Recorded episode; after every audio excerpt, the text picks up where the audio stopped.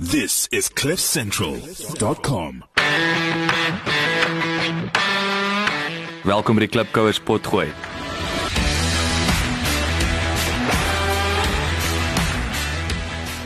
Klipkouers waar ons elke week met Afrikaner entrepreneurs en impakmakers gesels ten einde die beste praktiese besigheids- en lewensadvies met jou te deel.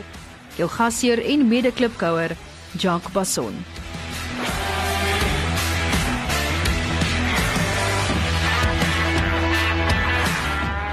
Hallo Klipkouer. Welkom by nog 'n episode van die Klipkouers potgooi. Jacques Passon hierso.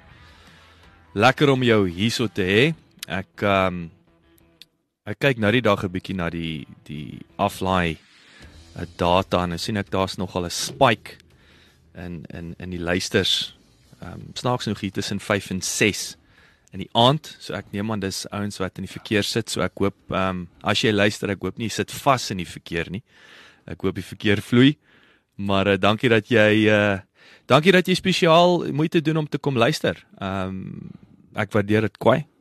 Ehm um, ek het nou die dag weer die gesprek gehad. Actually vanmôre met my my nuwe gas van uh hoe die mark in Suid-Afrika nog nie hoe hulle sukkel om die die waarde ehm um, en as ek sê die waarde, die absolute premie en waarde wat jy as luisteraar luisteraar is en werd is. Um jy is nie net nog 'n radio luisteraar of TV kyker nie. Jy's spesiaal. Jy's spesiaal vir my. So ons wag net die mark nog daai 'n bedrag daaraan kan koppel. Um maar nietemin is my heerlik om in die ateljee te hê. Um ek wil sê dis my is een van my ek probeer dink van innoveerders. Um ek sien innoveerder, is dit inventor? Is dit inventor die regte naam? Ek Hugh Jock, ek sê gewoonlik innoveerder want inventor is so of ehm um, hy dink net aan 'n idee terwyl 'n innoveerder vat dit verder. Vat dit verder, maar jy jy's so my ou wat maar jy's met iets en my my my ding is jy het met iets hierso wat uniek wat geskep is hier in Suid-Afrika wat nêrens anders in die wêreld gevind word nie en ek het nog met min sulke ouens gepraat. So is my groot voorreg om vir Dr Dirk Kokemoer van Emoya en die handelsmerk Skuruwave te verwelkom. Baie baie welkom Dr Dirk. Baie dankie Jacques. Noem ek noem ek jou Dr Dirk soos Nee, Dr Phil. asseblief nie. Kan ons die Dirk dokter laat drop net daarso ons. Ek is Dirk. Is Dirk. Maar maar jy's jy's so my um maar jy vertel 'n bietjie die klipkouers. Ek bedoel jy's um is jy gebore getoe? Waar kom jy vandaan? Wa- Wat jy's natuurlik 'n mediese dokter. So medies is 'n GP, né? Nee? Soos nou sê medies. Um gee ons 'n bietjie vleis van van waar jy vandaan kom. Hoekom dokter en dan jy weet die paadjie tot tot hierso by Kuruwave. Ja, dit is ehm um, Jacques is actually 'n uh, baie lang storie, maar gaan hom in 'n kort ehm um, ehm um, kort periode probeer verduidelik. Dit is maar van skool af gekom. Ehm um, ek was so 'n bietjie van 'n nerd gewees op skool. Waar was jy op skool gewees? Linden Hoërskool hier so in Johannesburg, op hoërskool. Maar ek was in vyf laerskole gewees. Want my pa was 'n mynbestuurder gewees en hy het oral rond beweeg. Ons was tot in Namakoland gewees, Kaap, maar op die einde het ons weer teruggekom Johannesburg toe. Wat is daai? Ekskuus, ek gaan nou ek het vir jou gewaarsku jy gaan goed sê wat wat ek gaan connections mee maak. Ek is reg vir jou. So ek was in vyf laerskole O. en my pa was 'n landmeter Ha. en hy het na en hy het geëindig met Anglo American. So ek het groot geword in die ek wil dit die goudstad noem, net die Tappet stad. Welkom. Maar ehm um, so vyf laerskole, maar Linde natuurlik het het ek weet ek um, ek het nou die dag het ek ehm um, onderhoud met Jacques de Priester gehad en ek het ek was 'n groot fan van Reis na gister en, en wat ek in Reis na gister geleer het is jou Karen Zoids kom uit Linden Hoërskool uit jou jou uh, uh Elvis Blues kom uit Linden Hoërskool. So dit wat's die storie? Jy kom uit Linden. Dit is 'n baie het- ek wil lyk vir my dis 'n baie groot talentpool wat daar. Wat is dit iets in Randburg se water of iets wat uh Ja, dis 'n baie baie goeie vraag. Ek weet nie hoekom daar so 'n konsentrasie van ehm um, uitblinkers in daardie skool is nie. Ehm um, ek dink altyd terug toe ek medies gaan studeer het. Van ons 180 matrieks in die skool het 24 gaan medies studeer. pragtig. En dit is dis Dis oh, baie. uniek. ja. Ek weet nie. Wag, was dalk selfs meer, maar dis die 24 waarvan ek weet. Ehm um, verskillende universiteite dwars deur die land en dit is maar net dit is dit is 'n skool wat wat wat bekend staan vir sy akademiese prestasie en ek dink op die einde stuur mense hulle kinders dan die skool toe wat wat akademie ehm um, as belangrik ag. Dit is hoe dit daar land. En wat wat uh, ek bedoel is jy nog in kontak met die skool enigstens? Hoe hoe's julle alumni wil ek sê of of Ja, ek self is nie betrokke nie. Ek dink maar my broer, my broer is was ook in die skool gewees. Hy woon 'n blok van die skool af. Sy kinders is nog op die laerskool, maar hy's klaar daar betrokke. Ehm um, die alumni ehm um, is nie regtig waar kragtig daarson nie. Ons het ons ehm um, 10 jaar, 20 en 30 jaar reunies, maar dit is half 'n verrassing. Hallo. Um, ons is dit die skool nou lyk. Ons die alumni is nie baie sterk daarson nie, ja. en die skool gaan nog sta- sy gaan hy nog goed aan dan? Ja, baie goed aan. Ehm um, baie van my vriende, natuurlik ehm um, vriende wat ek ehm um, op skool gehad het, se kinders is daar so in die skool is briljant, doen regtig waar goed. Dit is goed om te hoor.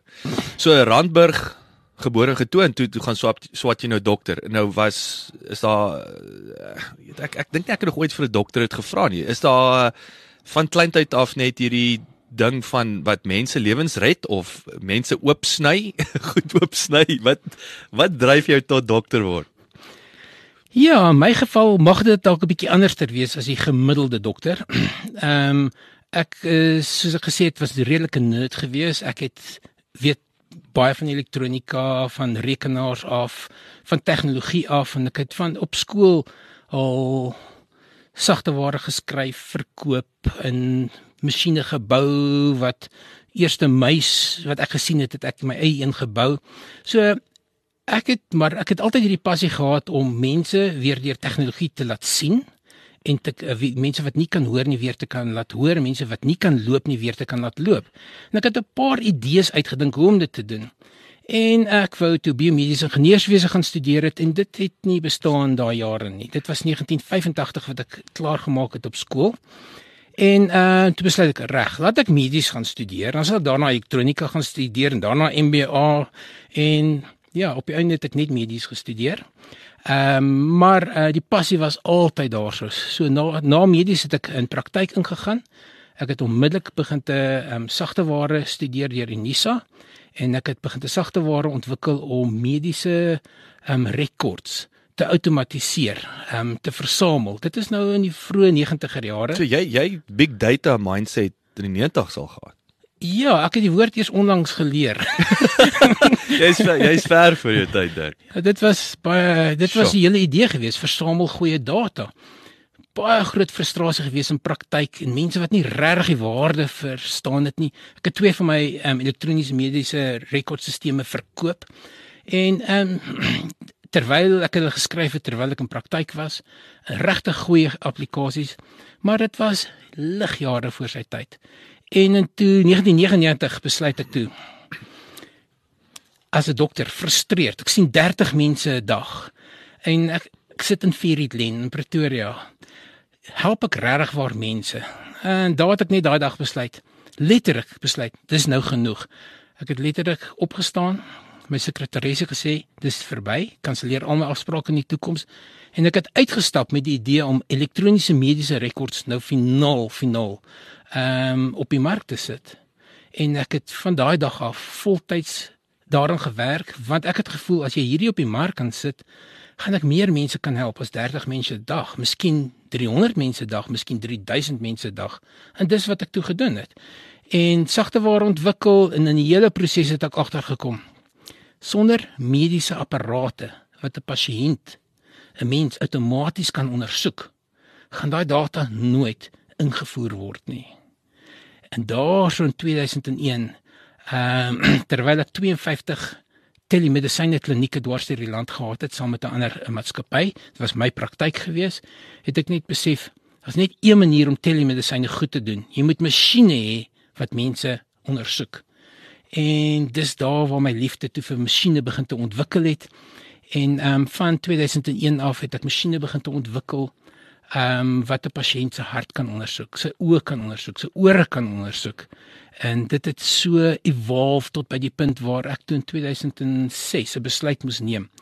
Ehm um, ek kan nie al al die masjiene gelyktydig ontwikkel nie, ek moet net op een fokus. En dit is dit is soos dit ontwikkel het. In 2006 het ek toe besluit om net op een masjien te um, te fokus en daai masjien 'n sukses te maak. En dit was 'n regtig ware innoverende masjien vir daai tyd nou nog.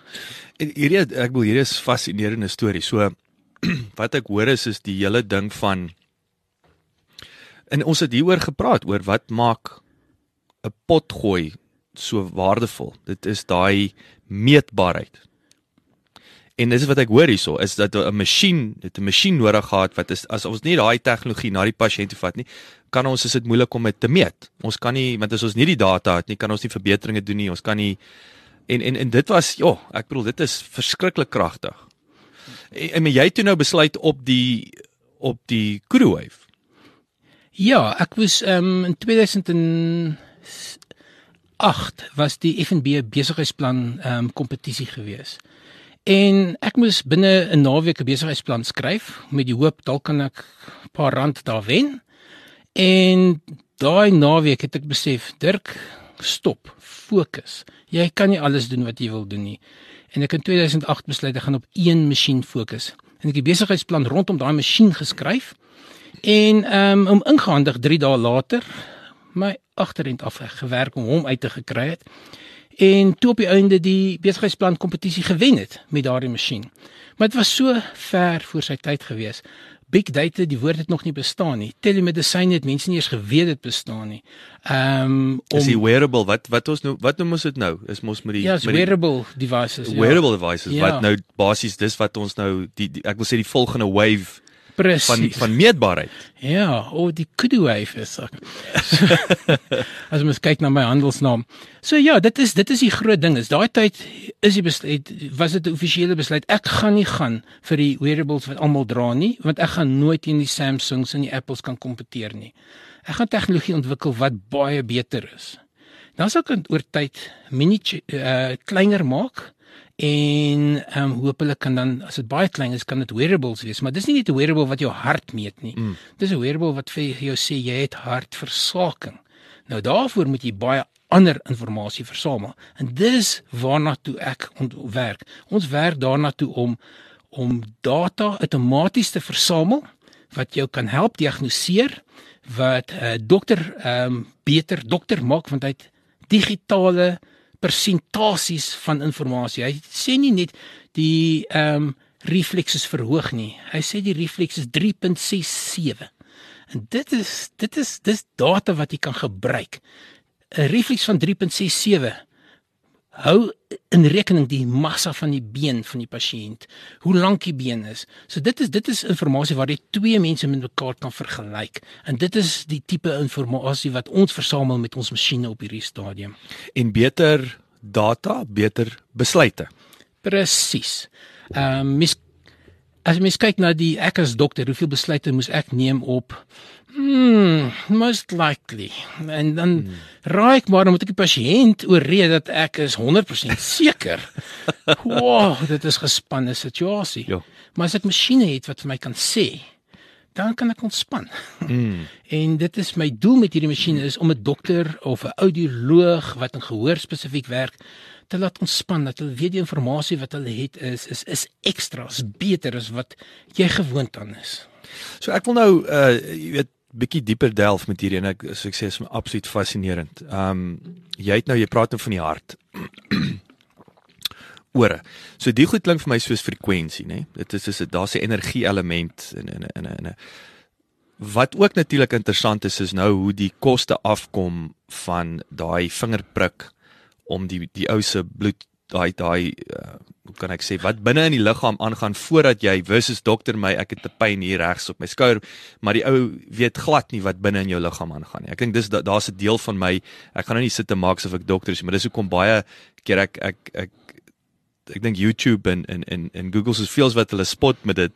Ehm um, maar ek het my my gesondheid en en dinge oor die jare drasties verbeter met selfstudie. En dit is eenvoudig want ek gaan nie na 'n dokter toe vir vir daai nutritional advies nie. En ons weet dit is ook dit is, ek dink julle is eerste ouens wat julle hande sal opseker sê ons is nie nutritious nie en dit is en dit is 'n gesprek op sy eie. Maar die my punt is dit begin by daai harde data. So wat gaan in my liggaam? Wat wat wat sê my bloed? En nou kan ek 'n plan maak om dit. Wat is die verskil tussen bloed en dan hart? Ore is daar geleentheid om jy weet sal ek sê wat werk die die die die die weet die, die proses ek sou 'n klomp vra in een daai maar ek dink jy jy Ja. verstaan wat ek vra Nee, ek dink ek verstaan wat jy daarso sê is om 'n as dokter die proses van 'n diagnose te maak, gaan jy deur verskillende stappe. Eerstens wat jy net 'n geskiedenis te neem op die pasiënt en die manier hoe jy terug antwoord hoe die pyn is. Dis als inligting wat jy versamel om by 'n diagnose uit te kom. Dan sal jy 'n pasiënt fisies ondersoek. 'n Fisiese ondersoek um, is inligting soos hierdie ou het ehm um, geel ehm um, geel in sy oë. Hmm. Dit beteken daar's dalk 'n lewerprobleem of daar is dalk 'n uh, daar uit geelsig. Nou dit is niks anderster as 'n uh, bloedtoets wat jy kan gaan doen nie. Dis inligting wat jy versamel of die ou se bene is geswel. Ehm um, dalk het hy hartversaking. So sal jy dan bloedtoetse ook doen. En die bloedtoetse sal sê dalk die hartensiem is effe verhoog. Dis nie te sê jy die diagnose nie, maar as jy al hierdie inligting, die geskiedenis, die ondersoek en die bloedtoetse bymekaar sit, dan kan jy 'n diagnose maak. En die hele idee is met bloedtoetse is om 'n akkurater diagnose te maak. Ongelukkig as jy kyk na ehm um, na medies, is die ondersoekmetode om 'n pasiënt te ondersoek met jou hande, byvoorbeeld die lewer te voel van 'n pasiënt, is nie 'n baie goeie manier nie. Ehm um, as jy bietjie na my gewig kyk, dan kan jy nie my lewer voel nie, dis onmoontlik. Daarom het jy masjiene nodig om dit te doen. En dis waar die ultrasound masjien inkom om die sonar om die lewer se grootte te kan meet. So so jy ons metode om 'n pasiënt ehm um, waar te neem as 'n dokter is nie altyd so 100% akkuraat nie. So hoe meer masjiene ons kan hê, hoe beter diagnoses kan ons maak. so en nou wa, hoe meet jou so kom ons kom na na die crew wave toe hoe meet daai ding nou kyk daar's nou klank en dan maar ek wil ook na die hart man dit, dit fascineer my so maar kom maar anyway kom ons kom ons brei bietjie uit hoe hoe meet hy dit So as jy kyk na die kudu wave. Ehm um, dit is 'n masjien wat mense gehoor toets. Wat klanke in jou oor in inspeel en dan meet hy of jy die, sagste klanke wat jy kan hoor van lae frekwensies op tot hoë frekwensies, baie sagte klanke tot baie harde klanke. En afhangende van die instruksies gaan jy 'n knoppie druk of 'n indikasie gee of 'n woord terugsê vir die vir vir die clinician wat dan die wat dan so diagnoseer wat jou probleem is. So met die kudu wave byvoorbeeld kan jy 'n persoon se gehoor toets of hy 'n gehoorprobleem het of hy ehm um, as jy sekere verder diagnostiese komponente van die kudu wave gebruik kan jy agterkom o, hy het 'n middeloorprobleem of hy het 'n buiteoorprobleem of die oordrom het 'n gaatjie in of die daar's vog in die binneoor. So dan kan jy diagnoses daarmee maak. Maar wat die Indicudo uniek maak, is dat ek nie in 'n klankkamer hoef te sit nie. Ek kan die masjien vat, sy boksietjie vat wat 1.6 kg weeg. Ek kan hom letterlik in my kar se kattebak sit en ek kan ry na die pasiënt toe wat in die ouete huis is en die persoon daar toets en daar die persoon help. So dit is die, dit is een komponent van die masjien. Maar hy gaan verder. Hy gaan byvoorbeeld meet hoe goed die persoon die knoppie druk. En dit is 'n clinician. Kan jy nie die presiese waardes sien nie. Ons doen statistiese analises.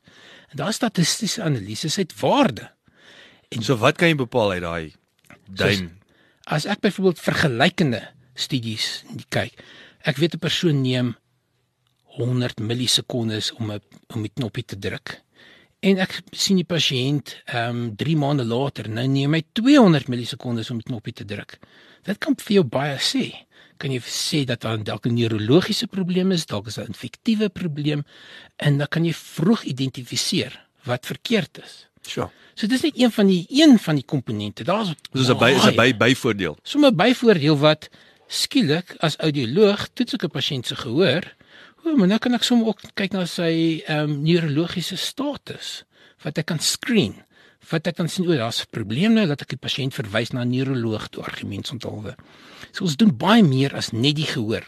Want die pasiënt is nie net dis nie net die oor wat bepaal goed jy kan hoor, hoor nie. Jy het ander dinge wat ook bepaal goed jy kan hoor. Sjoe. En ons probeer soveel as moontlik te meet in die hele proses. So die oor kan aan die een kant dalk net 'n simptoom wees, die gehoorprobleem, 'n simptoom van iets anders. Presies. Dit kan ehm um, dit kan 'n uh, 'n uh, 'n uh, simptoom of 'n teken wees dat die persoon dalk diabetes het. Pragtig. Ehm um, want jy kan gehoorverlies kry in diabetes. In jeug kan jy gehoorverlies kry. En dit is so hy kan daar ehm um, ehm um, baie goed sigbaar wees. Die ander plek waar ons baie betrokke is met gehoortoetsing is die multi-drug resistant TB. Waar mense op veelvuldige ehm um, antibiotikas is om ehm um, TB te kan behandel. Nou ongelukkig baie van daai medisyne kan gehoor kan jou gehoor ehm um, laat verloor. Mense noem dit ototoxicity. So jy kan jou gehoor verloor as gevolg van die medisyne. Oor die 40% van mense sal hulle gehoor verloor. Dis 'n onsaglike groot persentasie. Nou wat hierdie masjien sal doen is hy sal meet of jy jou gehoor begin te verloor. Ehm um, wat baie ook interessant is want hierdie pasiënte is baie keer baie siek. Jy moet hom in die jy moet hom in die in die in die bed gaan toets. Ehm um, want hy's siek. Jy wil hom nie in 'n klein kamertjie sit nie want hy kieme wat hy kan oordra. So jy sal hom graag onder die boom wil toets. Mm. En al hierdie goeders word skielik moontlik met hierdie masjien. Ek kan uitgaan na 'n klein um village in die middel van nêrens en dan kan 'n persoon daar sit toets. So al hierdie goeie word skielik moontlik met hierdie masjien. En soos ons sê is we take healthcare to the people. Mm. Dit is presies wat ons doen. Ons neem dit na die mense toe danksy die portability van die masjinerie en dat die hoë kwaliteit van toetsing wat gedoen kan word. Dis dis absoluut fascinerend. Julle is nou in meer as 30 lande, né? Ja, ons is. En en ek wou jy het genoem Indonesië, Maleisië, uh uh FSA, ehm um, Engeland? Ja, ons is in Engeland. So so hoe lyk daai applikasies? Is die applikasies dieselfde? Ek bedoel ek kan net sien weer in 'n land soos Indië byvoorbeeld wat daai Afrikaners daai het nê, wat jy praat van letterlik die ou onder die boom of die ou in die middel van nêrens kan gaan toets. Weet hoe lyk die applikasies in die ander land? Leer jy het, het jy toegang tot daai data? Mag jy daai data kry wat daai dokter gebruik of hoe werk daai deel? Kom ons kom terug na die die big data element toe. En ook jou te help ja. om jou produk ek wil in, in wat ek wil aansluit daarbey is hoe verbeter jy hierdie ding? Daai konstante. Ek neem aan hy word kleiner en so aan so aan. So kom ons zoom dan ook net in hoe verbeter jy die die die produk self? Ja, as jy kyk na die data, dis nie ons data nie ons het soms kontrakte met organisasies soos die regering of so aan, ehm um, waar ons hulle data sal sal host en vir hulle sal help met analises op die data. Maar dis nie ons data nie. Maar, maar dit is deel van ons diens wat ons kan lewer. Dis 'n diens wat hulle lewer. Dis hy presies. So dis 'n diens wat ons kan lewer en ons kan dit lewer want ons versamel die data. Ehm um, ons masjiene het ook die opsie om dit te sinkroniseer na 'n secure cloud toe ehm um, wat ook redelik uniek is. So daai so hierdie ding, hierdie hierdie ouetjie wat ek hier na kyk. By the way vir die klipkars, ons sal actually met 'n foto, ons sal 'n foto opsit op sosiale media. Dit lyk soos 'n helikopter pilot. Wel, lyk soos ons hierso net net groter oorfone. Ehm um, so daai ouetjie link op met met wifi. Ja, en dan en dan en dan sink hy. Ja, presies. Wow. Dis dit. En dan sinkroniseer hy dit op na die cloud toe waar mense dan verder analises kan doen. Byvoorbeeld ons het ehm um, ons het spesiale um, diagnostiese engines wat die data inkry en dan vergelykings doen tussen tussen verskillende toetse vir jou sê byvoorbeeld hierdie ou is besig om sy gehoor dalk waarskynlik besig om sy gehoor te verloor as gevolg van medikasie. Ons kan nooit sê verseker nie want ons is nie diagnostician, ons kan advies gee. Yes. So ons het dan Hy flag is net flag, flagging, flagging, ja. Gaan, ja. ja. So ons het ons het sulke spesiale ehm um, um, artificial intelligence ehm um, sagteware modules wat dan hierdie data analiseer en help met diagnose. Wat wie se wie ontwikkel daai ehm um... ons ontwikkel als onsself Ehm um, span van ingenieurs, sagteware ingenieurs en industrial designers en almal wat saamwerk plus dan mediese personeel soos byvoorbeeld audioloog, ek self as 'n dokter wat wat ehm um, en dan konsultante wat dan hierdie AI modules ehm um, ontwikkel om 'n diagnose te kan ehm um, kan assisteer, te kan help met 'n diagnose. So daai ons die verbetering van die produk self, wat wat is ek wil sê wat's in die pipeline? Hoe hoe sien jy hierdie ding uh uh evolve? So ons ehm um, ons het twee rigtings van van hoe die produk verder ontwikkel. Een is om hom te kleiner te maak ehm um, dat hy meer algemeen gebruik kan word en goedkoper te maak. Dis een komponent. Die ander komponent is om meer tegnologie in die masjien in te sit. Soos byvoorbeeld ons het nou 'n masjien wat ons insit wat die druk in die oor verander, oordrom verander. Ehm um, wat dan meet of jy vog in die binneoor het. So dit is 'n dit maak hom 'n beter masjien om 'n beter diagnose te maak. Soos twee lyne kleiner word en meer tegnologie buite sit. En daarvoor het ek julle span wat wat wat daaraan werk. En en en kom ons kom terug na die die die 30 lande. Ehm um, gee vir ons 'n bietjie 'n verkope afbreek. Ehm um, waar het jy begin? Was dit moeilik? Wie was die eerste land? Wat is die grootste mark? Ehm um, weer eens eh, verskillende applikasies. Ek dink ou in Amerika, hoe gebruik hy hom versus die ou in Indië? So gee ons 'n bietjie Ja. As jy kyk na Suid-Afrika, ehm um, dit is die mark waar ons begin het. Ehm um, ek voel altyd Suid-Afrika as 'n mikrokosmos van die heel van die hele aarde. So hier kry jy te doen met arm ryk. Ehm um, mense wat goed uh, skilled is, mense wat nie goed skilled is nie. So ons het in Suid-Afrika begin. Ons eerste Ja, seker omtrent 75% van die masjiene het ons in Suid-Afrika verkoop. En ehm um, ons het eers 2 jaar gelede, jaar en 'n half, 2 jaar gelede het ons begin om in die buiteland te verkoop. Ehm um, toe het ons eers gemaklik gevoel om buitekant toe te gaan.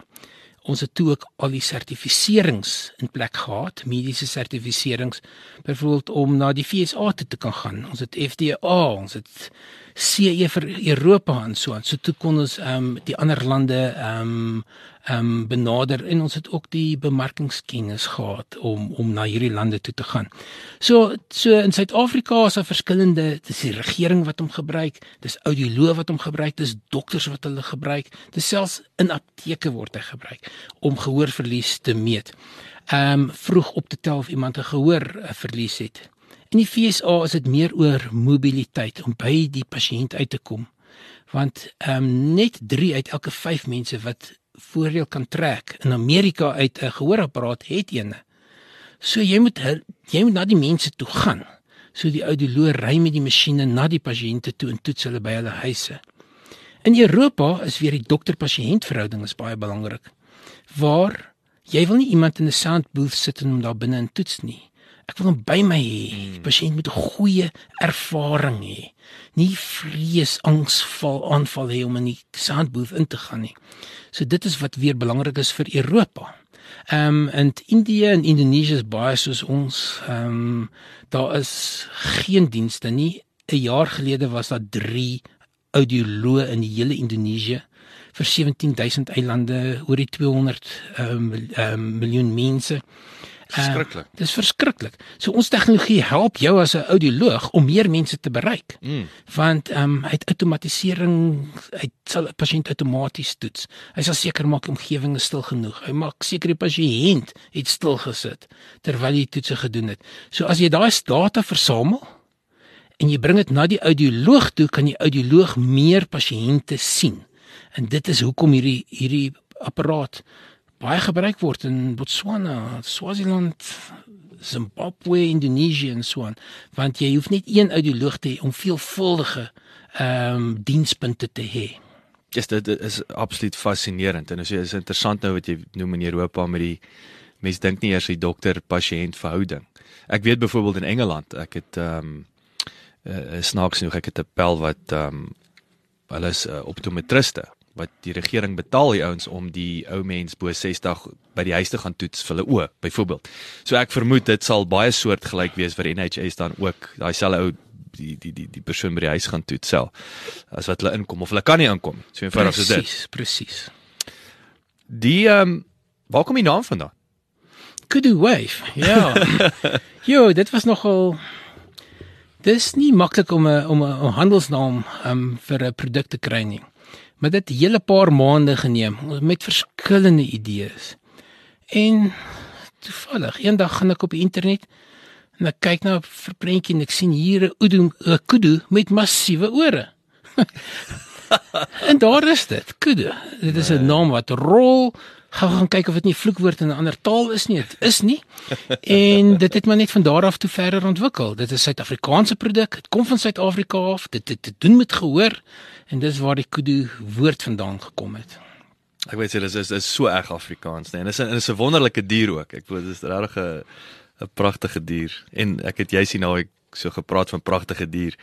Ek het kudu biltong geëet, so ek mag seker nie daar. Hy sê hy sê elke level is hy pragtig. Ehm um, so wat kos die masjien as ek mag vra?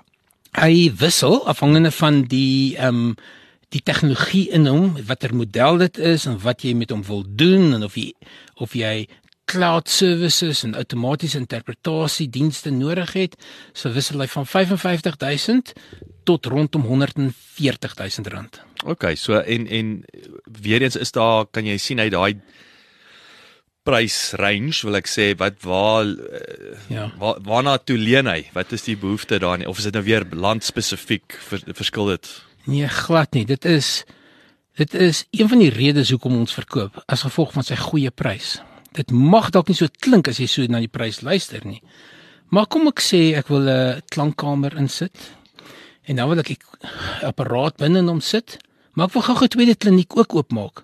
Nou moet ek daar ook 'n klankkamer in sit en apparaat. So sodra jy mobiel raak, kan jy self die apparaat oral gebruik. Jy reis met hy reis saam met jou. Hy word soos deel van jou van jou soos jou pen jy hy's permanent saam met jou. En dis in daai omgewings waar dit net soveel finansiële sin maak om hom te gebruik. En dit is een van die hoofredes hoekom die Kudu Wave um um redelike groot markpenetrasie het. Ek ek wil terugkom na die jy weet ek kan net sien die passie. Jy weet jy jy duidelik en jy het in die begin ook genoem dat jy die elektronika passie maar ook jy jy jy wou mense help en ek ek wil nou 3 tree teruggaan waar kom hierdie behoefte? En ek wil dit is iets wat jy nie laat gaan het nie. Jy het 'n dokter geword, jy het nog steeds gesê, "Hoe kan ek my my my dokterskap uh uh 'n mediese kennis vat om om mense te help?" Hoe waar kom dit vandaan? Nommer 1 en ek wil net weet hoekom het jy spesifiek gehoor? Hoekom nie die hart ding nie? Ja, Ja, ek ek dink soms 'n mens moet gek wees om hierdie goeters te doen. Of liewer dat ek sê ek dink ek is gek.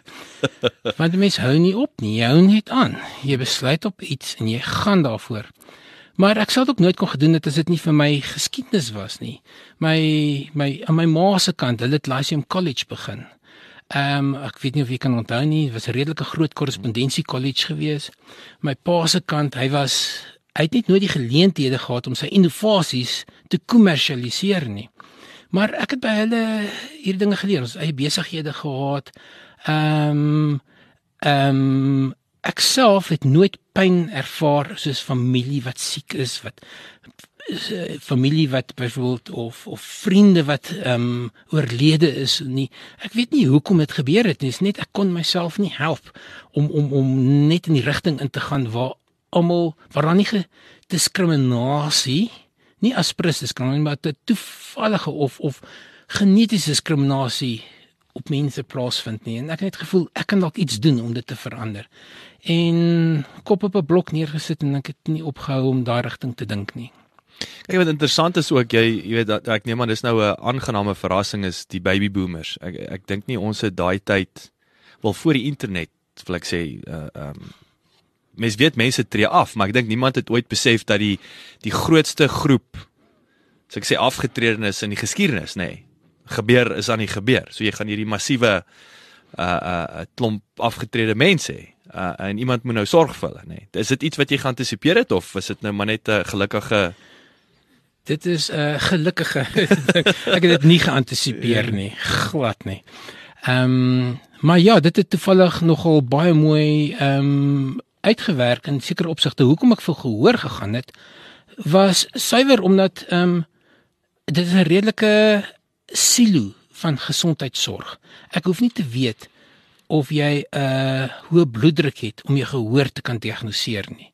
So dis 'n uh, is 'n silo wat ek maklik apparate ek voor kan maak wat ons kan poog om te outomatiseer. Ehm um, en nie dit nie.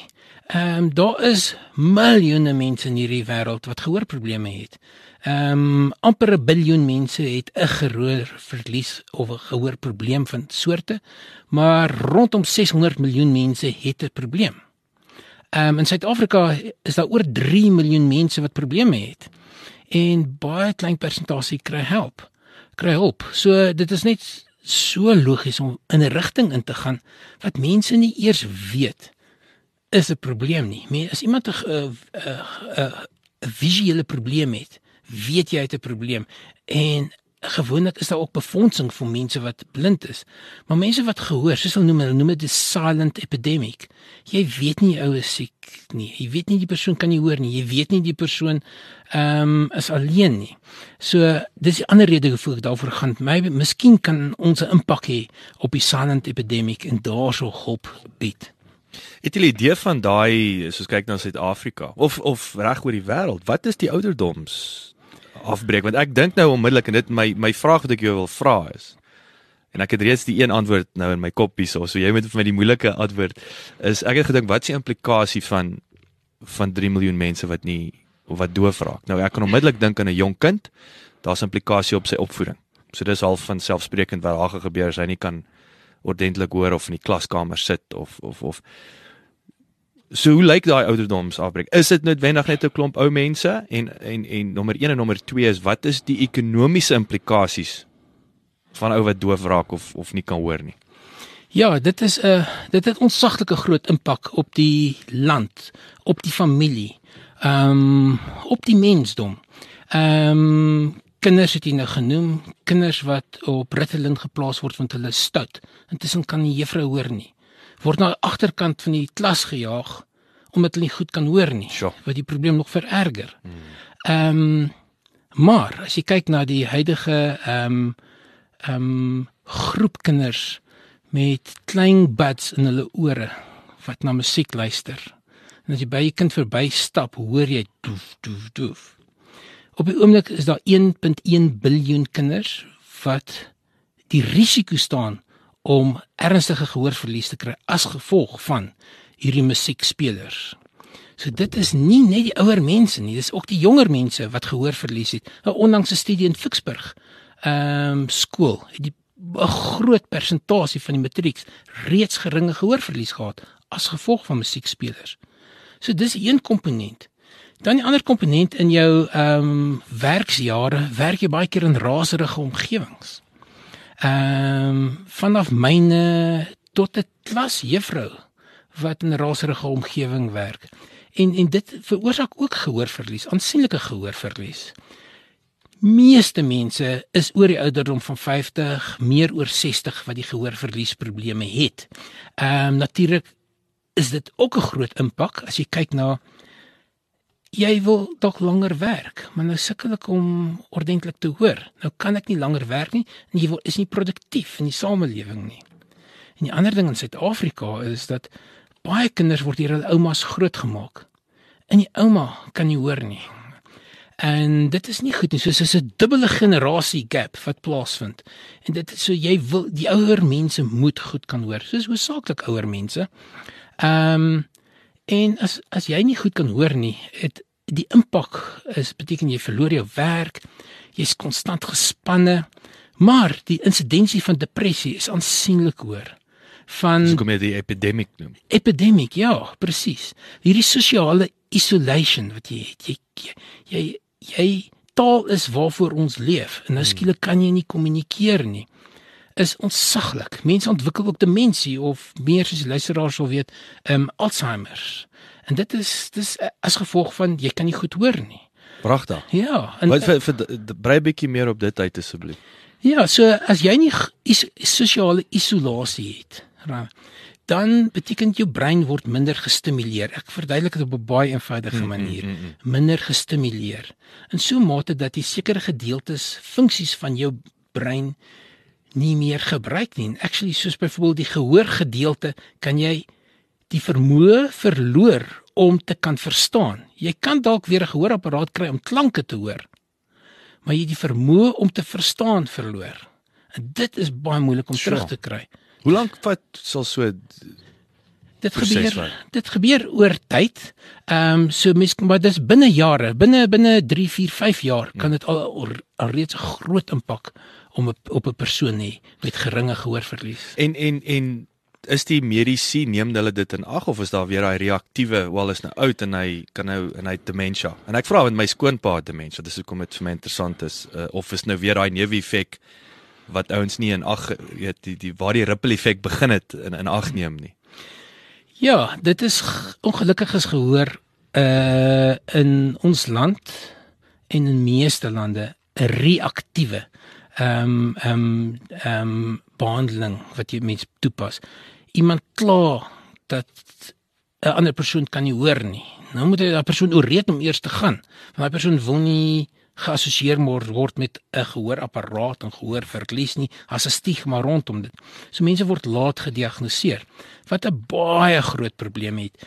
So ehm um, een van ons bemarkingsveld veldtogte wat ons binnekort gaan gaan gaan ehm um, launch gaan rondom dit wees Het jy al jou gehoor getoets hierdie jaar?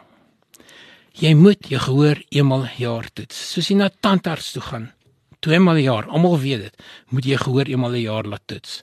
Ehm um, want jy moet vroeg agterkom as daar 'n probleem is, want as jy vroeg agterkom, kan jy hulp gee, soos 'n gehoorapparaat gee. En hoe vroeër jy gehoorapparaat kry, beteken jy jy het, jy het konstant stimulasie en jy verleer nie om te verstaan nie. So dis hoekom jy baie vroeg 'n gehoorapparaat moet kry. Want as jy dit laat kry, het jy vermoë om te verstaan verloor. Jy moet dit vroeg kry en jy kan dit net doen as jy proaktief mense gereeld ehm um, screen siftingstoetse doen om agter te kom wanneer hulle gehoor verloor. Ja, ek het ek sit hier, ek het net 'n nota hier gemaak van proaktief. Jy weet jy jy het nou my vraag eh, vir my geantwoord. Nou dit dit klink vir my om terug te kom na kinders toe ek, ek het nooit ek weet die epidemie wat aan die gebeur is is die kinders se oë almal staar vir die tablet en die selfoon. So dat dit dis iets wat nie of nie, dis wanneer en ons selfs in ons huisgesin ons baie bewus daarvan. Hel, ek sien wat my oë gebeur om die hele tyd staar vir vir vir my op my selfoon of baie werk op die selfoon. So dit klink vir my die ore val in daai kategorie oor oor oor die oorfone en ek bedoel ons het nog nooit seker weer eens daar's vir my die, die oomblik wat jy met 'n 'n 'n tablet, 'n selfoon daar gaan, daar's goed gaan goed in die ore en, en ouens luister net te hard. Is dit die is dit die probleem? Ja, dis die dis die probleem. Dit gaan dit is 'n kombinasie van hoe hard en vir hoe lank jy luister. Maar dit is te hard en jy sal sien kinders met gehoorverlies op 'n gereelde basis. En ehm um, dis nogal baie jammer. En en en as jy kyk in Europa, byvoorbeeld in in België, ehm um, as jy na 'n uh, kom ons sê 'n klub toe gaan, mm. mag die klank nie hoër as sekere desibel wees vir 'n sekere tyd nie. Oorwragtig, so ja. hulle sal help in safety wat wat die man nou ja. begin inbring. So jy gaan jou gehoor verloor in 'n klub nie in Suid-Afrika. As hy nie binne binnekort 2 in jou oor maak nie, dan sal fout met die klip. So ehm um, Kom jy weer hier na toe nie. ek kon te goed hoor toe ek klaar gepaard het. Presies. en dis wat gebeur met met met die met die uh met die spelers waar na die die die klankspelers um, wat op, op die ore gaan in die ore in met kinders. En kinders kan nie dink, dit is vir hulle baie moeilik om te antisipeer hulle gaan gehoorverlies hê eendag omdat hulle nou te hard luister. Wat wat is hoe hoe werk so ding? Weet jy nou gepraat het van ehm um, tandarts weet elke 6 maande en ek wil iets wat jy mee groot word, is iets wat uh, ek wil sê dis amper 'n populasiebemarking, nê? Nee? Ehm um, ek dink dan aan aan aan vyf 'n dag wat nou weer nonsens is as ek daaraan dink en mense word so groot en besef later is net soos wat rook goed was vir jou in die 50s. Ek praat nou die dag vir ou wat is ongelooflik om YouTube video's wat in 1950 sê gerook is goed vir jou. Maar in elk geval, hoe hoe gaan die industrie? Hoe gaan hoe gaan julle ouens te werk byvoorbeeld? Behalwe dat dit 'n kom ons soos sê noem is spade spade. Dis 'n verkoopsgeleentheid. Hoe meer toetse daar gedoen word. So daar dis deel van 'n verkoopstrategie, maar ek weet ook die hart van die van jou en die organisasie is om voorkomend te wees of verligtend te wees. Hoe hoe gaan mense te werk om seker te maak dat skoolkinders, veral skoolkinders, en ek wou so belangrike punt wat jy gemaak het oor die oorfone, toets hulle oor een keer 'n jaar. Waar gaan mense hoe hoe gaan mense te werk om so ding uh, momentum te gee dat dit elke elke jaar in die skool gebeur want is nou soos jy sê niemand hoef meer na die dokter toe te gaan teen dis dit kan in die skool getoets word. Ja, dit is ehm um, Dis nogal nie 'n maklike strategie nie. Ehm um, dit is daar's baie miljoene mense in ons land. Daar's oor die 24000 skole in die land, oor die 11 miljoen kinders in die land. Ehm um, as jy sommetjies gaan uitwerk en spandeer net 3 minute per kind, het jy massiewe hoeveelheid spanne nodig om al die kinders te toets. Dis nie 'n grap nie. Ehm um, maar dis waar waarheen ons moet beweeg. Um Suid-Afrika het die Integrated School Health Policy geskryf waar 'n kind elke 3 jaar ten minste getoets moet word wat 'n baie goeie begin is. Ongelukkig is die befondsings en so aan nog nie heeltemal op dreef om dit te kan doen nie, maar die dryf is daarna.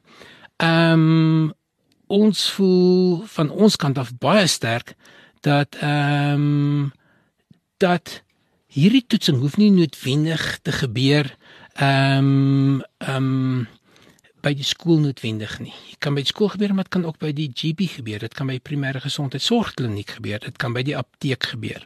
So dis een komponent waar jy hierdie beskikbaar kan maak en dan net vir die dan bemarking doen na die mate dat hulle weet waarheen om te gaan. Dis een komponent. Die ander komponent is elke skool moet eintlik 'n eie masjien hê waar hulle pasiënte kan toets, waar die kinders kan toets. Daai kind wat nou skielik se punte geval het oor die laaste termyn doen nie 'n gehoortoets op die kind. Moenie aanvaar as fout met die kind nie of doen nie die gehoortoets. So dis deel ook van ons dryf. Soveel as moontlik ehm um, klinisi en ehm um, skole hierdie ehm um, hierdie toetsapparate hê om die basiese toetsings te kan doen. Ehm um, dan natuurlik ons gaan baie groot op sosiale media gaan. Ons gaan ehm um, om hierdie hierdie konsep van gereelde toetsing ehm um, ehm um, ehm um, uh, onder die publiek in te bring. Ons probleem is daar as ons skielik verskriklik baie mense toets wat probleme het. Wie gaan na hulle kyk? Hmm. Dis 'n baie baie groot en ook 'n etiese probleem. Want help nie jy sê jy skielik diagnoseer 30000 kinders met gehoorprobleme nie en niemand kan na hulle kyk nie. So dit is 'n dilemma oh, hoe ons help om die dilemma te probeer verminder, kleiner te maak, is om die tyd wat die professionele mense moet spandeer aan 'n pasiënt so kort as moontlik te maak met ons masjiene. So teen tyd wat die kind daar instap, is al klaar 'n audiogram. Dit is dit is die toets wat 'n mens het. Um, om te kyk of daar probleme is met die kind. Jy stap by die audioloog in met gedeeltes van die toetsing klaar, sodat die audioloog nie so baie tyd hoef te spandeer aan die kind nie. So dis 'n dis 'n dis 'n hele groot strategie waarmee ons besig is, maar dit is so 'n belangrike strategie en en ons hoop om dit as 'n voorbeeld te skep vir die res van die wêreld hoe om dit te benader. Want dit is nie net in ons land nie, dit is ook nie net in ontwikkelende lande nie. Dis ook in Amerika waar die probleme is.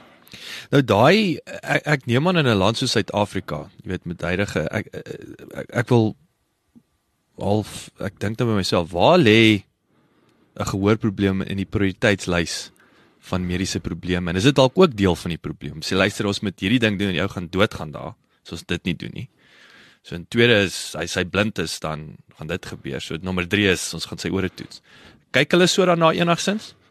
Ja, ongelukkig is dit die realiteit in baie opsigte. Persone wat gaan sterf, mortaliteit is belangriker as morbiditeit, beteken mense wat wat vroeër doodgaan is belangriker as mense wat 'n uh, 'n uh, 'n uh, kwaliteit lewe het. Maar ehm um, dis tegnies nie 'n verskoning nie. Ehm um, ons land het genoeg finansies. Dit gaan oor hoe jy dit implementeer. Dit is nodig om na morbiditeit ook te kyk. En dis byvoorbeeld toevallig wat in die multi-drug resistant TB program gebruik het gebeur het in die regering waar die doel was net om mense se lewens te red. Toe kom hulle agter o, ons kan nou hulle gehoor toets vroeg agterkom, hulle gaan gehoorverlies kry. Dan kan ons die medisyne verander. En toevallig daai medisyne waarna hulle toe verander het wat nie gehoorverlies veroorsaak nie, beteken meer mense, minder mense sterf. So dit het dan toe agter dit het En seker geld gespaar ook in die proses want jy gooi nie net klomp spuit klomp medisyne in nie. Ja en nee. Hierdie medisyne is toevallig baie duurder. Maar as jy kyk, nou moet jy vir iemand 'n kokleaire implantaat gee. Gehoorapparaat gee. Die ou is nie aktief in die in die in die werksmag nie. So daai al daai koste implikasies. Presies, is dit net die moeite werd om liewer duurder medisyne te gee vir as die persoon gaan gehoor verleer verloor. So die die regering kyk baie in baie opsigte na morbiditeit ook of mense se kwaliteit van lewe begin al meer en meer belangriker te word. Ehm um, en dit is nogal opgewonde om te sien hoe dit gebeur op hierdie stadium. Sjoe, dit is wel is 'n dubbele wen, maar daar is natuurlik ja die mens en dan is daar die ekonomie en ek dink nie ons Suid-Afrika kan reg bekostig om daai belastinggeld eh, rond te gooi te veel nie. Ehm um, of nog meer nie. Ehm um, wat wat is die wat is die ehm um, wat is die korrelasie tussen julle en die oë ouens? Nou kom ek dit vra as jy toe nou gepraat het van jy weet die kliniek die die die apteek. Ek dink nou maar aan Dischem. Ek moes een weet ons wat nou uh, vars terug is was vir my aangename verrassing weet uh, wat ek ek dink eers Dischem was hier toe ons weg is 14 jaar gelede nie. En om te sien hoe jy nou am, amper 'n one stop shop het jy weet as jy in in 'n apteek instap. Ehm um, In Engeland het jy byvoorbeeld jy het nou die uh Specsavers. Nou dis nie dieselfde as Suid-Afrika se Specsavers nie, maar hulle is massief uh, as as ons sê tipiese optiese optical chain. Dis uh, Maar hulle het nou al 'n paar jaar wat hulle die die ore toets. En hulle en ek ek sê so 2 jaar is nou nie baie lank nie. So hulle toets die ore, natuurlik die oë en hulle verkoop die apparate. Jy weet wat wat is die korrelasie tussen julle werk julle saam enigsins? Ehm um, hoe lyk daai? Gee ons 'n bietjie kleer 'n bietjie daai deel in asseblief. Ja, as mens kyk na buite Suid-Afrika, ehm um, ehm um, ons verspreiders daarso werk baie nou met die oë mense, met die speksywers byvoorbeeld in ander lande. Ehm um, in Suid-Afrika is daarso 'n 'n regulasieprobleem raai dat jy mens nie regtig waar ordentlik saam kan werk nie. Dit dit is moontlik, maar ehm um, ek sou sê op die oomblik is meeste mense meer bang om die eerste stap te stap te gee. En dit kan en dit is want jy wil nie in die moeilikheid kom nie. Ehm um, dis baie jammer want ons land het dit nodig dat daar so ehm um, dat elke spek suiwer of Toga Optical moet moet oor ook dit. Dis dit kan 'n groot impak hê. Maar ja, meer en meer apteke begin dit te doen. Byvoorbeeld Dischem het 'n paar van ons eh, apparate reeds binne in die Dischem wat wat baie positief is en die mense begin al meer en meer sin toe te beweeg en begin te besef hoe hoe belangrik gehoor is. Ja, nou dit is, is goed om te hoor. Dit is interessant ook net weer hoe Suid-Afrika is vir my jy weet ons medisy ehm um, uh, en ek dink ook nou as, as ons dink aan die mediese fondse, ons is uh, selfs ons banke is wêreldklas. Innoverend en alles maar met 'n sulke klein regulerende goedjies wat vir my 1950 is wat alles nie alter op 'n manier is, my is bietjie simpel. Baie irriterend om die waarheid te sê. Hoe sorg mens vir jou ore? My Ja. pa het altyd gesê niks niks dinner as jy elmboog gaan jou ore nie. Dit was reël nommer 1. Daar was hy reg gewees. Die storie dat jy siek word as jy in die koue uitgaan was verkeerd. Ek dink 'n paar ouens is geskok nou.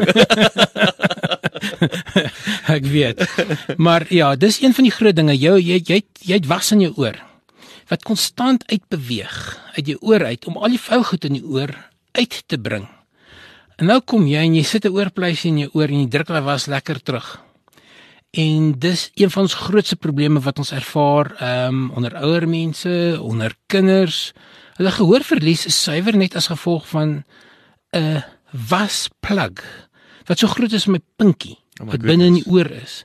Wat veroorsaak hulle nie goed kan hoor nie. En weet jy hoe maklik is dit om daai wasplug te verwyder?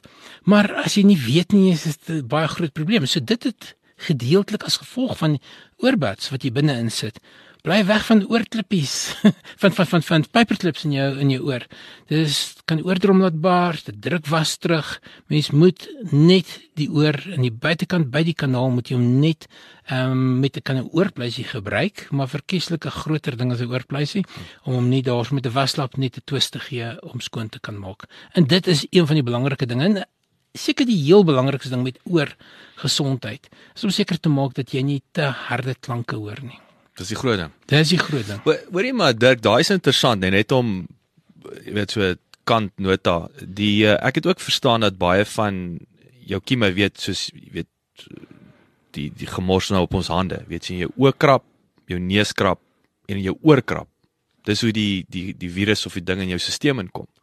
Is dit waar in terme van die ore? Ek het ook al gehoor by die ouens so jy kan 'n tipe van 'n ek dink is hydrogen peroxide seker goed vir die ouens in die ore om die dis nou verskriklik of of as as sy. Kom ons kom ons gaan nou as sy in die ore insit.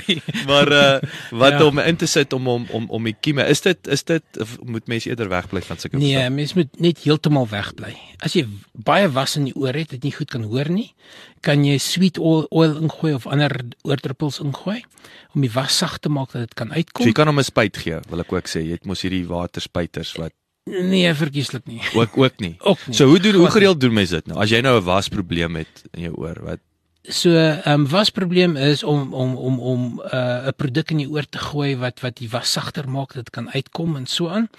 Ehm um, die moenie spuit, moenie inspuit nie. Maar ja, as jy water in jou oor het, ehm um, as gevolg van stort of bad, kan jy help dit ook om die water om om die om die was uit te kry maar die beste is om regtig waar hierso na 'n uh, 'n na 'n na klinikus toe te gaan soos 'n audioloog of na 'n uh, primêre gesondheidsorg professionele suster of 'n dokter dat hulle dit kan uit was of uithaal uh, met spesiale apparate. Soos daai om terug te kom een keer 'n jaar, dan gaan jy hulle kan alles check vir jou. Baie goed, dis deel van jou jaarlikse ondersoek moet gehoor insluit. Hierdie is regtig vir my interessant. Ek wil nou ek wil nou net vinnig terugkom En dan wil ek jou laaste vraag vra. So ek wil ek wil terugkom na die en ek bedoel jy die hart genoem in die begin. So wat is die ander applikasies? Waar wat wat kan jy sien as die volgende stap? Nou natuurlik jy het 'n ongelooflike produk. Dis duidelik jy het Suid-Afrika soos jy sê you've scratched the surface dink ek selfs met die Afrikaanse mark. Internasionaal het jy nog baie scope. As jy nou môre kon sê jy het nou maar alles al daai die kleinste beste apparaat almal gebruik kom, wat wat sal die volgende stap wees in terme van 'n 'n um uh hoe kan ek sê 'n ding in die liggaam? Ja, so ehm um, ons gaan nie eers wag tot hy klein is nie. Ons gaan voort. Ehm um, ehm um, een van my grootste challenges ehm um, jare gelede was om vir mense te verduidelik van hierdie hierdie groot data, hierdie artificial intelligence goeders wat ons doen. En en dit was met die besigheidsplan kompetisie aan die FNB in 2008 wat ek gewen het. Daar was niemand daar wat verstaan het wat ons doen nie, reg. Ehm um, maar ek het daar besluit, kom ons vat een voorbeeld en wys vir die mense hoe ons pasiënte oor 'n telemedisyne, oor die internet kan toets. Hoe ons data kan versamel wat beter is. Ekskuus, ek ek het wou jou nou-nou gevra het. Wat ja. is telemedisyne? So tel ek het gedag is 'n ja. telefoon. ja, dit is 'n bemarkingsdilemma vir ons om die waarheid te sê. Hierdie woord tele dat jy onmiddellik dink dit is 'n uh, goedkoop telefoon, maar dit is nie so nie. Telemedisyne beteken medisyne oor 'n afstand. Dis wat dit beteken. Ja. Alright, alright. Dis hoekom ons baie keer die woord eerder e medisyne gebruik. So aan want tele die het het 'n goedkoop mm. um, um, handelswaarde. Mm. Ek verstaan. So ja, so dit is telemedisyne beteken ek kan hierso sit. Ehm um, en die, ons het met die Kudwave heel eerste transatlantiese toets gedoen in 2009 waar iemand in Dallas gesit het en iemand in Fourways ehm um, by Diepsloot ondersoek het. So volledige toets opgedoen het. So dit is dis die dinge wat ons kan doen met hierdie apparaat. So Ons het met die Kudwave bewys, ons kan telemedisyne doen, ons kan outomatiese interpretasies doen, ons kan sonder 'n booth wegkom. Ons kan addisionele data versamel wat nog niemand anders er ooit versamel het nie. En nou kan niemand meer um, ons betwyfel dat ons nog groter dinge kan doen nie. So ons volgende produkte is 'n hartmasjien. Ehm um, daar is nie 'n sulke masjiene nie. Soos byvoorbeeld die Kudu Wave is nie 'n audiometer soos mense ken nie. Hy doen baie meer. Ons noem 'n gehoor masjien. Ehm um, ons het ander name daarvoor ook. So ons het 'n hartmasjien om harte te toets wat ook 'n EKG sal in hê. So dis die volgende masjien uh, wat ek baie navorsing al gedoen het met vervuldige universiteite, publikasies al opgehaat het. Masjien wat jy letterlik soos 'n dit lyk soos 'n groot praat wat jy op die bors vasdruk. Jy hou hom daar so vir 30 sekondes en jy haal hom af en hy het amper alles getoets vir jou hart, hartversaking, hy het bloeddruk getoets, hy het jou hartklanke getoets, hy het help met diagnose van hartgeruise en sulke tipe dinge. So daai is een van ons volgende masjiene wat ons gaan ontwikkel tesame met 'n 'n 'n vision, ehm um, ehm um, 'n gesigstoetsapparaat, nie net 'n screening waar jy net toets of iemand 'n probleem het nie, want verder gaan hulle vir jou self sê, "O, jy mag diabetes hê." So ons wil dis die tipe diagnostiese apparate wat ons doen. So dit is wat ons hartmasjien gaan doen. Hy gaan vir jou ehm um, diagnostiese resultate kan gee dat iemand wat matriek het in die middel van kom ons sê Zambië 'n masjien op iemand se bors kan sit, data kan versamel. Daai data gaan deur na 'n dokter en die dokter kan daai data gebruik om 'n besluit mee te neem. En dit is wat ons doen. Dis deel van die outomatisering van gesondheidsorg. Ja, dis dis dis dis fantasties. Ek wil jy het nou het die woord uit my mond uitgevra want ek wou vir jou gevra as ek as ek kyk ook weer ek kom nou terug na die oë voorbeeld toe. Waar jy al lankal nie meer die kyk die optometris het sy rol te speel, maar vir die basiese toets is dit is dit daai ou wat hy gaan doen 'n 3 maande kursus. En ek kry die idee ook soos weet jy nou sê met jou gehoor, dit die dokter hoef nie die audio wat noem jy hom 'n audioloog. Audioloog hoef nie die die die connection te doen nie. Iemand is net nodig daar om te weet hoe werk hy. Sit hom op die die die pasiënt se ore, maar daai data kom hier in Suid-Afrika en daai spesialis kan dit diagnoseer. Presies. So jo, ons hoop is dat Suid-Afrikaners in plaas van om ons audioloë en dokters uit te voer na ander lande toe hulle in Kanada gaan werk, dat hulle hulle dienste uitvoer na Ghana toe, na Zambië toe, na Malawi toe. So ons wil nog steeds uitvoer, maar net ons dienste. Hmm. Dis waar hulle medisyne inkom. En 'n belangrike ding daarvan is iewers moet jy dit makliker en vinniger maak. Jy kan nie wil hê dat die audioloog moet 20 minute mors om 'n toets te doen nie. Want haar brein is nodig om 'n diagnose te kan maak en en behandeling te kan toepas. So jy moet maniere vind om tyd te spaar vir die professionele mense want hulle skielik baie meer mense sien. Hmm. En dis deel van ons joh challenges in hierdie hele proses. So my, ek kan amper sien met met hierdie tipe ding, jy weet jy jy, jy gaan 'n dokter gaan 'n gaan 'n kantoorwerker word. Want jy gaan jy gaan hulle daai one pager gee en hulle moet interpreteer. Nogal baie. Gaan deur fases gaan. Ehm um, ons weet baie beroepe gaan verlore gaan. 'n Dokter se beroep gaan meer 'n description verandering hê waar jy meer diagnoses gemaak waar jy dalk meer prosedures gaan beoefen. Ehm um, 'n masjien kan nog nie goed 'n appendix uithaal nie. So nie so die dokters gaan waarskynlik meer prosedures beoefen as wat hulle noodwendige pasiënt gaan ondersoek. Ongelooflik. Dokter Dirk Kokemoer van Crewwave, jy jy's 'n inspirasie. Ek ek bedoel hierdie ek sê dit nie net vir jou nie. Hierdie is my ongelooflik. Ek het nog nie met 'n ou gepraat wat so baie boksies tik in terme van mediese probleme, werkskepping, uitvoere, passie wat wat uh dit is net vir my en ek ek ek moet ek moet weer met jou gesels want hierdie is vir my regtig dis vir my baie inspirerend en natuurlik weer eens daai werkskep wat jy hier in Suid-Afrika heidaglik maar ook die toekoms dit is net vir my min dat dat dat 'n produk of 'n diens en dan praat ons nou nie eers van big data nie maar daar's so baie boksies getik word so Ek hoop ons is nog ek hoop ons kan nog sulke ouens in Suid-Afrika. Ons het nog sulke ouens nodig. Maar dankie vir jou tyd. Dankie dat jy ingekom het. Dit is awesome om met jou te gesels het. Baie dankie Jacques. Dit is baie lekker om hier te gewees het. Baie dankie dat jy geluister het. Vir 'n opsomming en notas van die episode, gaan asseblief na ons webwerf www.klipkouers.com en teken sommer in terwyl jy daar is, dan kan ons jou gereeld op hoogte hou. Baie dankie.